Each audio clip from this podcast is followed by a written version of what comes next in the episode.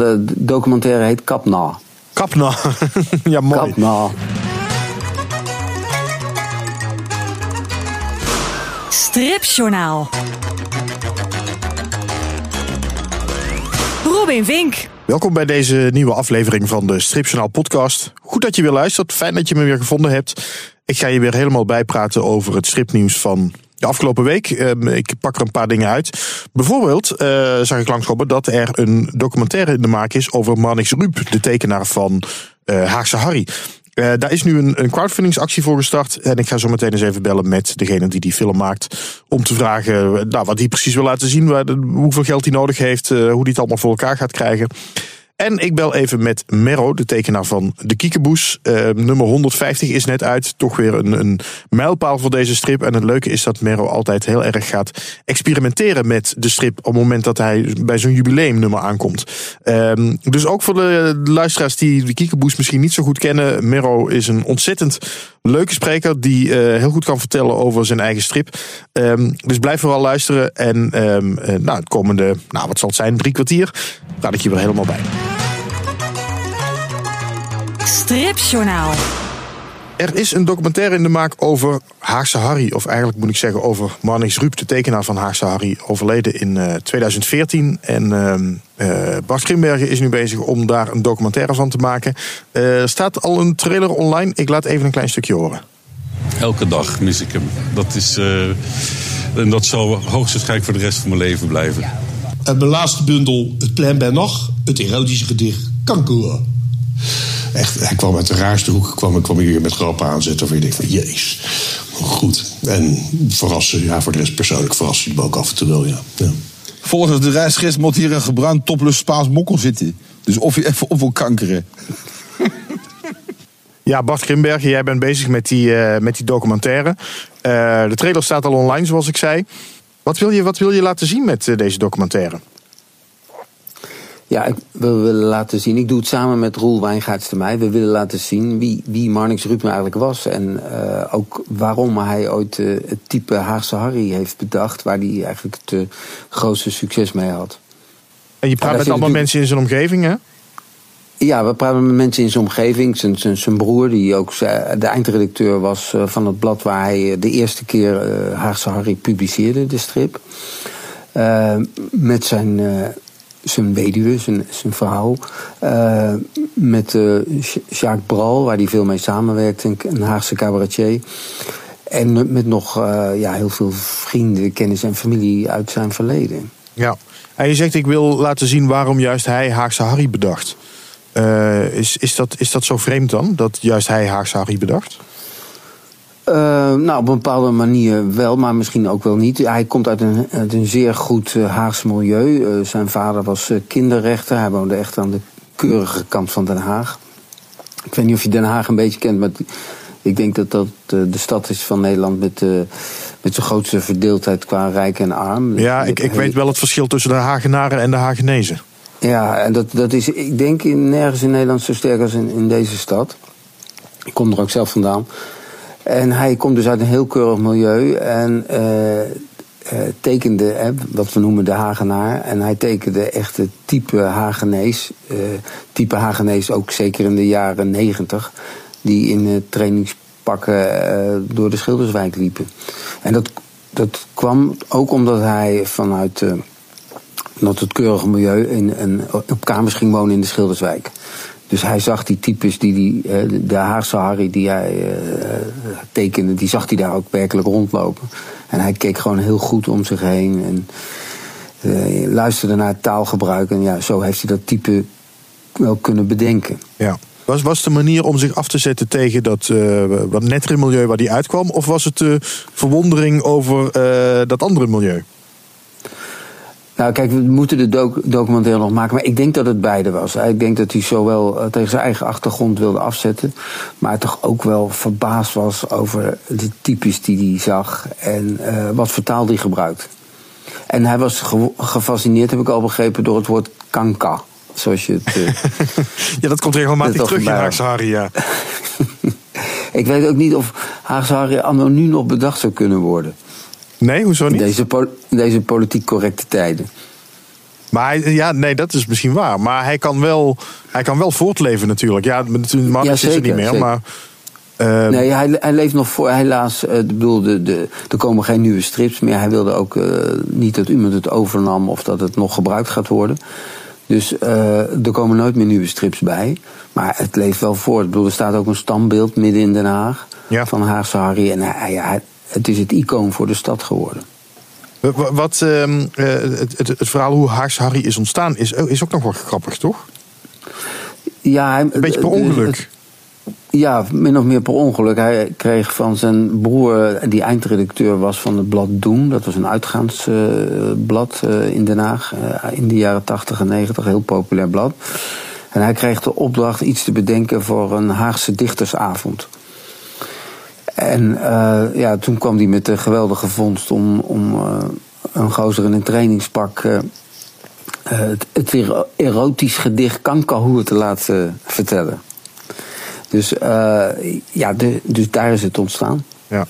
Je kende zelf Ruub ook goed, hè? Ja, nou goed. Ik, ik heb hem een aantal malen ontmoet. En ik heb ooit voor mijn 40ste verjaardag een, een striptekening gehad van hem. Een tekening van mij, eh, door hem getekend. En, eh, maar dat was op verzoek van mijn broer, die hem vroeg eh, of, hij dat wilde doen. Dus ik heb hem een paar keer ontmoet. Ik kende hem niet goed, maar hij maakte op mij een hele. toch als een hele aardige jongen. Echt een hele vriendelijke. Iemand waar je nooit ruzie mee zou krijgen. En ja, met een enorm goed gevoel voor humor. Eh, Ja. Achteraf denk ik, wou dat ik hem wat vaker gezien heb. Had. Is er iets wat je nog tegen hem had willen zeggen? Nou, dat is niet iets wat, me- wat ik per se. Ik had hem gewoon nog graag wat beter willen leren kennen. Dat, eh, maar misschien kan ik dat nu een beetje goed maken door eh, eh, me in zijn levensverhaal te verdiepen. Ja. Eh, nou, is er een crowdfunding? Ja, wat wilde je Ja, zeggen? er is een crowdfundingsactie dus om, om die film te, voor elkaar te krijgen. Eh, we krijgen een klein bedrag van de gemeente Den Haag en van eh, Omroep West. Maar om het echt te kunnen maken hebben we toch nog een flink bedrag nodig. Ja, 9000 euro. Dus eh, ja, ik hoop heel erg dat dat bedrag er gaat komen. Dan, want het is een, prachtig project. En ik denk dat, het, dat hij, de Haagse is niet alleen in Den Haag bekend, maar ook ver daarbuiten. Dat het een heel, dat een heel mooie documentaire op kan gaan leveren. Ja, nou eh, staat er dus al een vrij uitgebreide trailer online. Je hebt gesproken met zijn broer en met ehm, ehm, Jacques Bral zie ik daar onder andere in langskomen. Eh, Ja. Waarbij ik de indruk kreeg, de, hij is al, eh, je, je hebt alle interviews al gedraaid en ehm, het, het is al zo'n beetje klaar. Nee, nee, nee, nee, zeker niet. We hebben heel kort met Jacques Bral, met zijn broer en zijn beste vriend gesproken. Voor de promo specifiek. Met, hoe heet je nou, de Jean-Marc van Tol. Daar hebben we wat langer mee gepraat, omdat hij weinig tijd had. Die hebben we geen tijd voor om dat nog een tweede keer te doen.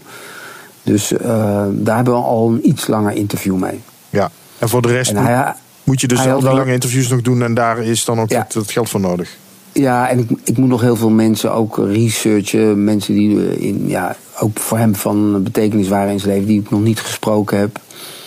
Dus ik moet zo, wij moeten zowel nog eh, research doen als alle opnames doen. Dus er is echt best wel. Het gaat veel tijd kosten om dit goed eh, te gaan maken. Ja.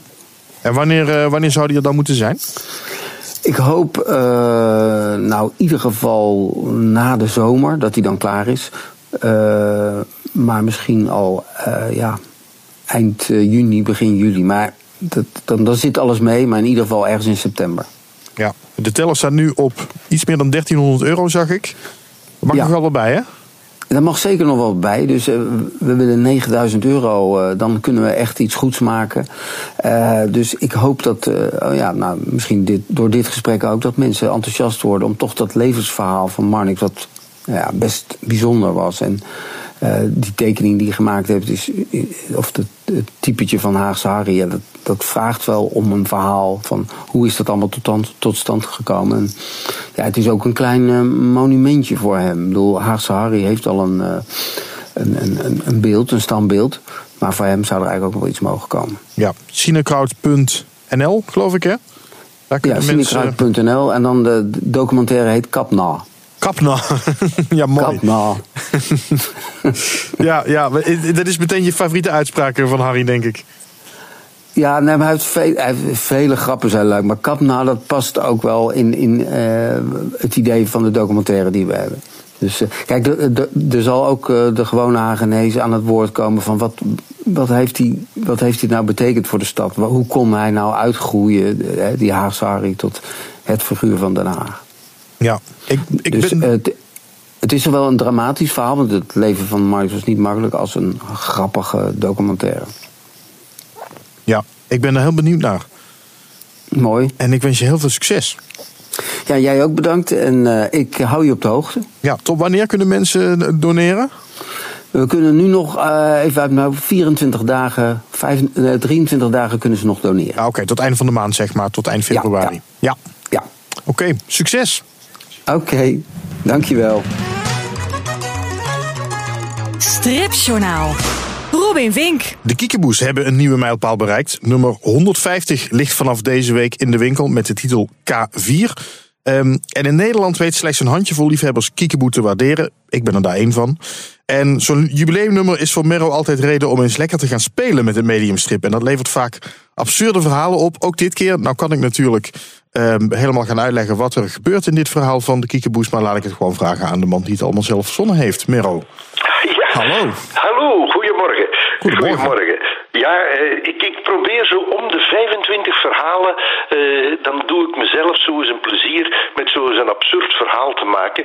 eh, waar ik speel met het mediumstrip en, Ja. en, en de dingen een beetje relativeer. En dat heb ik, dat heb ik dit keer ook weer gedaan. En wat kun je even zelf uitleggen wat de, de, de basis is van dit verhaal? Wel, de basis van dit verhaal is zo dat er de reeks begint bij nummer 1, uiteraard bij de Wollebollen, maar dat daarvoor nog een verhaal gemaakt is. Een pilootverhaal. Eh, de schat, eh, p- pardon, de vloek van MacB heette dat. En eh, dat verhaal ja, is verloren gegaan. De tekeningen zijn verloren gegaan. Er ja, is enkel nog een synopsis van overgebleven en een paar schetsen. Want de figuren die daarin meespeelden, die leken al wel wat op de kiekeboes, maar ze waren het eigenlijk nog niet. Het waren hun voorlopers. Proberen om dat verhaal te reconstrueren, ja, en dan beginnen er allerhande dingen mis te lopen. Ja, en, en eigenlijk proberen die oude figuren, de eerste versies van de Kiekeboes, proberen deze strip over te nemen. Ja, ze proberen, ze proberen er terug in te infiltreren en, en eh, ze proberen de nieuwe cast uit te schakelen. Ja. Ik heb trouwens voor, voor die, eh, die, die oude figuren, daar voor een stuk toch, oude schetsen, de eerste oerschetsen van de kiekeboes gebruikt. Die ben ik gaan, op, eh, gaan opzoeken en ik heb die er terug, eh, ik, de, de, de eerste Marcel Kiekeboe, eh, de, de eerste Fanny, die toen in de eerste versie inderdaad Molly heette, zoals in dit verhaal. Dus eh, ik ben echt naar die oude schetsen terug gaan kijken. Ja, dus er zit zelfs een kern van waarheid in. Ja, ja, ja, er zit nog waarheid in, inderdaad. Ja, maar je, je, hebt hier, je hangt hier het verhaal op dat je dus die, die schetsen hebt gemaakt en dat die eh, verloren zijn gegaan bij een brand. Ja. Eh, eh, en, en dat hele verhaal verloren is gegaan. Zit daar een kern van waarheid in? Nee, ja, dat, dat is zo'n urban legend over, over eh, Macbeth, het stuk van Shakespeare. Eh, daar hangt een hele hoop mysterie rond en in eh, toneelkringen, zeker in Engeland, eh, is men zeer bijgelovig daar rond. En je mag eigenlijk buiten het stuk, eh, mag je die naam niet gebruiken. Je mag die niet noemen, want dan komt er eh, ongeluk over je. En dat bleek al vanaf eh, de eerste voorstelling in 1600 en zoveel. Er is ook een verhaal dat eh, Sir John Gilbert, eh, die speelde Macbeth. En eh, die had zich niet aan de regel gehouden. En die kreeg vlak voor de première een zwaar auto-accident, zodanig dat ze moesten vervangen. Er zijn zo'n hele hoop van die verhalen rond. En ik had dus ergens gelezen en ik dacht, hé, eigenlijk is dat wel eens leuk om daar iets mee te doen. Ja, want die, die hele scène van Macbeth, eh, Shakespeare gaat ook door dit verhaal heen. Hè? Want de Kiekeboes gaan dit, gaan dit opvoeren, durven inderdaad ook die naam niet, eh, niet te noemen. Ja. Ehm, Hoe, hoe, ehm, eh, vorig jaar had je al een heel feestjaar eigenlijk, met 40 jaar de Kiekeboes. Ehm, nou, toen ben ik bij je langs geweest, hebben we een mooie podcast gemaakt van een uur. Daar, daar, daar kwam geen eind aan, maar dat was een heel leuk gesprek. Nog steeds terug te luisteren. Hoe is het nu om 150 afgeleverd te hebben? Goh, ja, we doen gewoon door, hè. Ik ben ondertussen ben ik al bezig aan 152, dus... eh eh, want 150, ja, die is al, al, al een maand of vier, vijf is hij klaar. Dus ik ben nu net begonnen aan 152. Eh, dus we doen gewoon, gewoon door. Ja. En dat, en dat experimentele, wat hierin zit, of dat absurdistische. Want op een gegeven moment ook dan, eh, dan krijgt de inkleurig geelzucht, wordt alles geel gekleurd. Op een gegeven moment vallen zelfs de inklijnen weg, zitten, zijn er een paar plaatjes in potlood bij. Eh, hoe, hoe, hoe reageren lezers daar tegenwoordig op?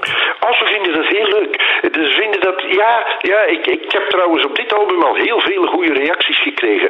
De eerste keer dat ik het deed, dat was in album 26. Eh, ja, hoe lang is 35 jaar geleden. En toen reageerde men heel, ja, heel afwijzend. Kreeg daar zelfs hele slechte kritiek op. Eh, en het, was vooral, het waren vooral volwassenen die, eh, die zo reageerden. Kinderen waren meteen mee. Die hadden daar geen probleem mee. Eh, maar volwassenen die, die dachten, ja nu hij weet echt niet meer wat hij moet gaan doen. En hij begint ermee te spelen. Ondertussen heeft dat album, zeker in Vlaanderen, heeft dat een cultstatus gekregen.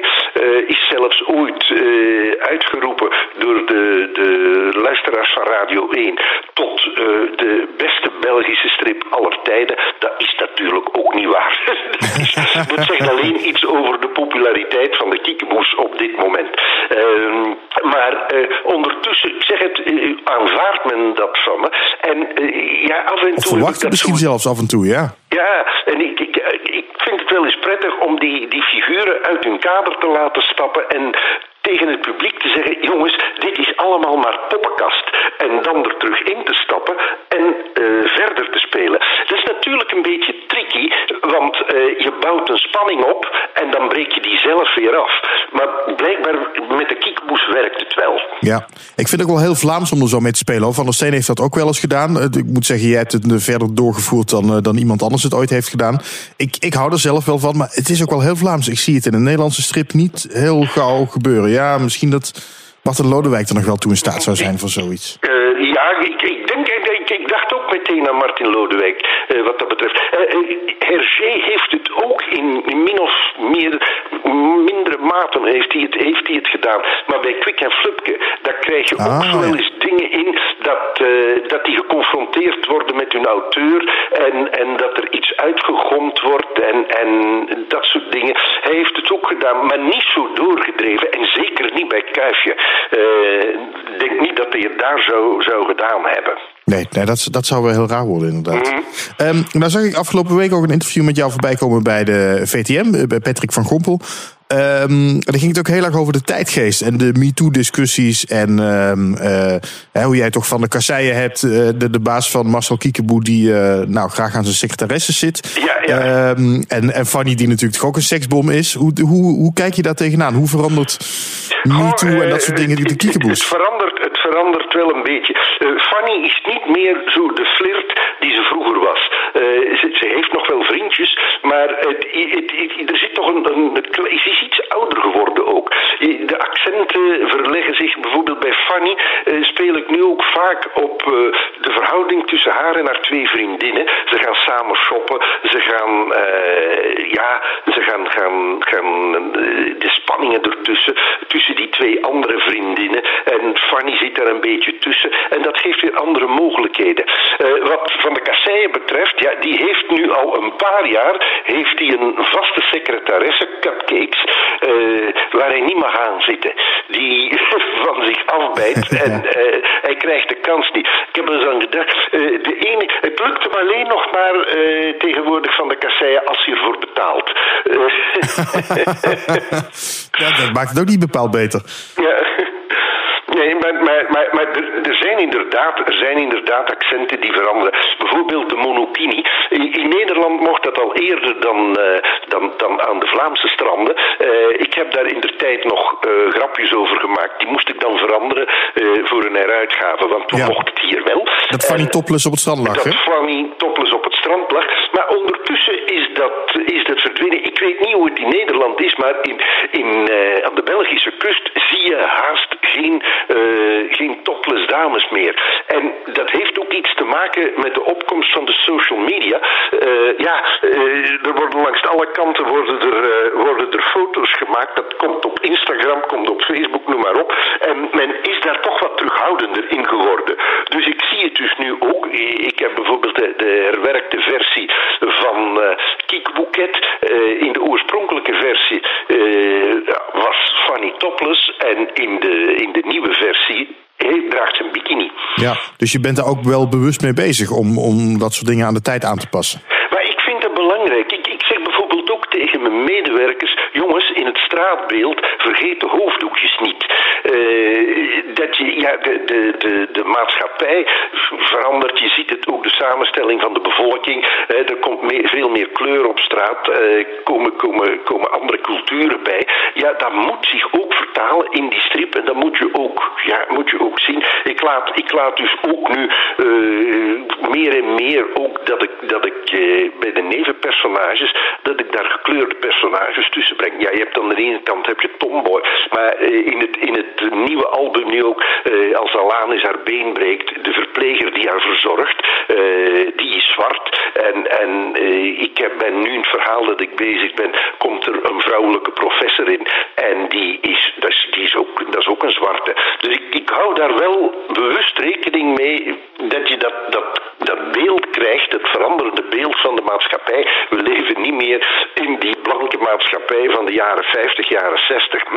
Ja, ja. En ondertussen zijn er ook een hoop technologische veranderingen. Ehm, en dan vind ik in de Kiekeboe staat het altijd heel goed. Hè. Die gaan dan ook daarin met hun tijd mee. Dus er was al heel snel mobiele telefoon, iPad, eh, ja. Facebook, dat soort dingen.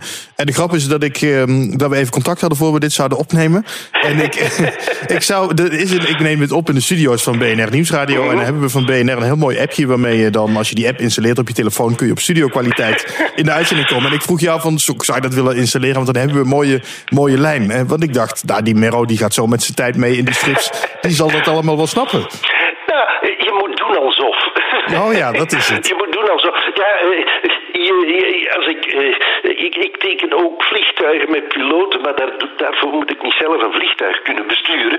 Maar, maar ik teken het wel. Nee, eh, dat, ik, ik- Je bent een enorme digibeet, eh, zei je tegen me. ja, maar dat klopt ook niet. Ik ben eigenlijk, ik heb digilexie, laat ik het zo zeggen. Ik ben, ben daar heel onhandig in, in alles wat technisch is. Maar ja, ik volg het wel op afstand en ik laat me dus ook wel adviseren, want ik heb een paar jonge medewerkers en die zijn wel helemaal mee. En eh, daar vraag ik dan wel aan, wat en hoe werkt het? Ik zou dat of dat willen doen, kan dat of kan dat niet? En eh, die ad- adviseren me dan wel. Ja, oké. Eh, Hoe, hoe noemde je dat? Digilexie? Ja, ik heb digilek. Ik denk dat ik het woord ooit al in de strip gebruikt heb. Ik, eh, ik heb. Je hebt er maar gewoon zelf een woord voor verzonnen. ja, ja. Ja, heel slim. Oké. Wat, eh, wat staat er nog op de rol voor eh, de, de kiekeboes voor de komende nummers? Goh, eh, het eerstvolgende dat er uitkomt, dat is een special. En die gaat heten Plankenkoorts in Amsterdam. En, Ah, de kiekeboes komen naar Nederland. Ze zijn al in Nederland geweest, al verschillende keren Ja. trouwens. Maar het is dit jaar net 40 jaar geleden dat eh Kiekeboe in Carré verscheen. Mhm. Nu wordt er van Kiekeboe in Carré, want er is een dubbel verhaal, daarachter kwam de schat van Matahari. Van dat dubbel verhaal is gerestaureerd, eh, is helemaal digitaal opnieuw ingekleurd. En dat wordt een dubbel album, maar er komt ook een extra dossier bij over de ontstaansgeschiedenis van het album. En het is trouwens het eerste keer, dat was de eerste keer dat ik me echt goed documenteerde. Want ik heb twee dagen door Amsterdam gelopen om foto's van de locaties te maken. Ik ben in Carré geweest en, al dat soort dingen. En eh, ik, ik heb daar nog een heel pak foto's van teruggevonden uit die tijd. Ik had dat nog. En dat is natuurlijk nu handig om daar een dossier mee samen te stellen. Ah, mooi. En er komt dus een nieuw verhaal in eh, dat zich in Amsterdam afspeelt.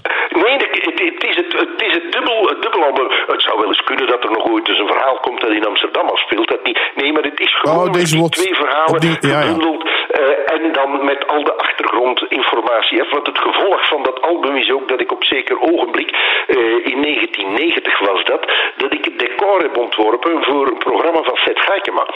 Ja, want die speelt daarin mee in de Eh, kiekeboe in die, Carré. die heeft, eh, toch, het, het is een beetje een samentrekking van een paar cabaretiers, maar eh, hij heeft het meeste van Seth Gaikema.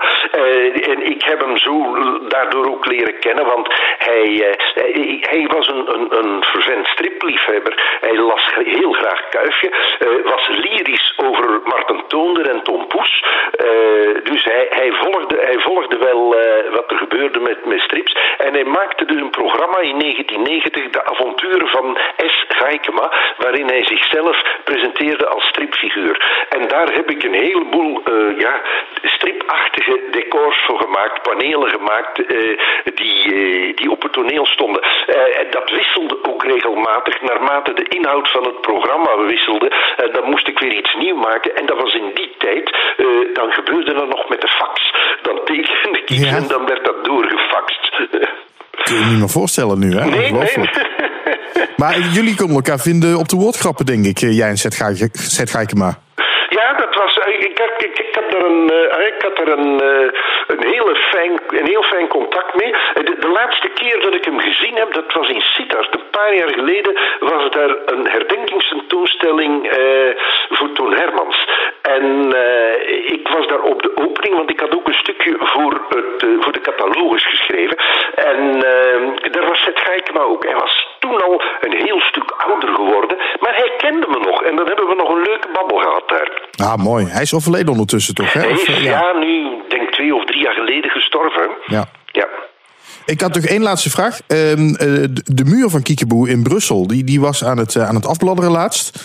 Ja. Ehm, hoe staat het daar nu mee?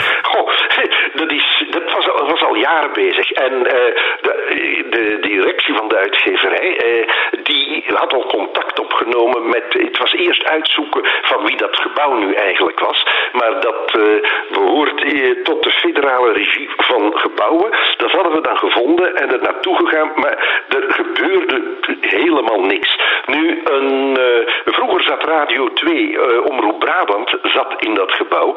En een van de journalisten daarvan kwam daar toevallig voorbij. zijn oude gebouw waar hij vroeger zat. En hij zag de muur, wat voor staat dit die was, was een, een maand geleden. Heeft er foto's van gemaakt met die doorgemaild. Het was nog erger dan, dan dat ik dacht. En die heeft daar een stukje voor gemaakt voor de radio.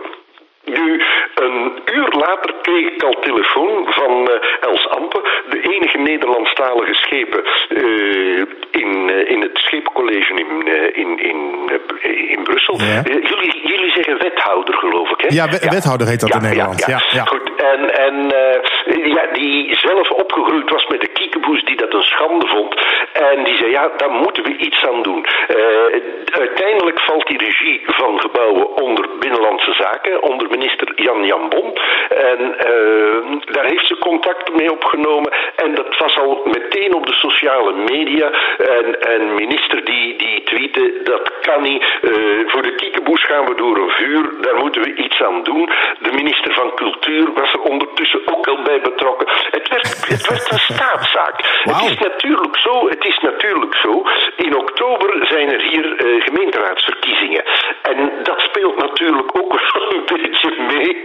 Dat iedereen een goede beurt wil maken. Maar ondertussen is het zover dat ze. eh, er zijn nu een paar eh, locaties, eh, locaties geselecteerd in Laken. En daar komt de muur. Hij wordt opnieuw gemaakt door Armurai. Eh, dat zijn de mensen die al die stripmuren in Brussel, in Antwerpen gemaakt hebben. Maar die werken nu volgens een, een, een ander systeem. Vroeger werd dat rechtstreeks op de muur geschilderd. En nu werken ze op panelen die voor de muur gezet worden. Dat is natuurlijk een stuk interessanter als er iets met die muur gebeurt, barsten of eh, ja, water, doorcijpeling of zo. Ja, dan hebben we daar geen last van doordat die panelen ervoor staan. En dus hij zou daar hermaakt worden. Eh, ik zou misschien een paar kleine aanpassingen moeten doen dat het formaat klopt met, met de nieuwe muur. Maar hij komt, er, er terug opnieuw. Ah, oké. Dus het is eigenlijk gewoon op basis van een tekening van jou. Wordt die daar uitvergroot op die muur gemaakt. Ja, en dat ja, kunnen ze ja, dus gewoon nu op een, nieuw, op een nieuwe muur kunnen ze dat opnieuw doen. Dat kunnen ze opnieuw doen. En ik heb ook al het, het basismateriaal digitaal, dat bestaat nog. Dus dat is vrij eenvoudig eh, terug op te nemen. En wanneer, eh, wanneer wordt dat, denk je? Dat we die... Goh, ik, ik vermoed dat dat ergens in de loop van dit jaar zal zijn. Eh, ik schat eerder dat dat najaar zal worden. Eh, maar het zou mooi zijn, want ik word in het najaar word ik 70. En het zou mooi zijn dat dat dan tegen dan die muur eh, terug klaar is. Ja, maar dan moet dus eerst nog een locatie gevonden worden. Ja, maar ze hebben al een, al een paar locaties. En, en eh, ik denk dat ze er al ver uit zijn waar het gaat komen. Oké, nou spannend. Oké, hou ons op de hoogte. Jawel. Geniet van ehm, eh, het, het nieuwe album dat nu uit is en, en alles wat daar weer bij komt kijken. Ik zeker ehm, doen. ja, als je dan in najaar 70 wilt, bellen we gewoon weer. ja, dat is prima. Is goed. Hey, dankjewel. Oké. Ja, tot dan. Dag.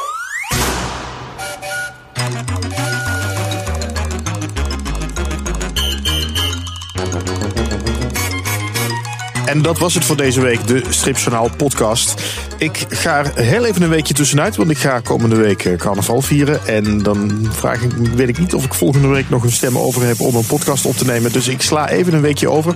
Daarna ben ik gewoon weer terug. Ondertussen ehm, zijn er, als je wat later ingestapt bent, allemaal podcasts om nog terug te luisteren. Ik ben inmiddels een jaartje bezig. Ik begon één keer in de maand, nu is het één keer in de week. Dus eh, er is ook een aardig archief om terug te luisteren, mocht je dat leuk vinden.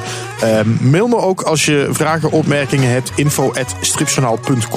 Op stripjournaal.com zijn ook wat eh, relevante linkjes en dingetjes terug te vinden. Ik zal er even wat plaatjes op zetten van eh dat Kiekeboes album. Dat je een beetje ziet hoe die figuren eruit zien. Uh, uiteraard de trailer van ehm, eh, de film over Marnix Ruip kun je daar ook nog terugvinden. Ehm, en ehm, abonneer je, wil ik ook nog even zeggen. Stel dat je luistert via een, eh, een appje. Of je luistert misschien helemaal niet via een app, maar gewoon via de website. Eh, je kan het, als je het in een app hebt op je telefoon, kun je je ook abonneren. Krijg je elke keer een melding als er een nieuwe aflevering van Stripjournaal klaar staat. Uh, je kan hem ook nog uh, ranken. Geef uh, een aantal sterren. Ik hoop natuurlijk op vijf. dat is dan het hoogste. Dan, daar maak je me heel blij mee. En ehm, verder zou ik zeggen, tot over twee weken. En ga vooral lekker strips lezen weer. Stripjournaal.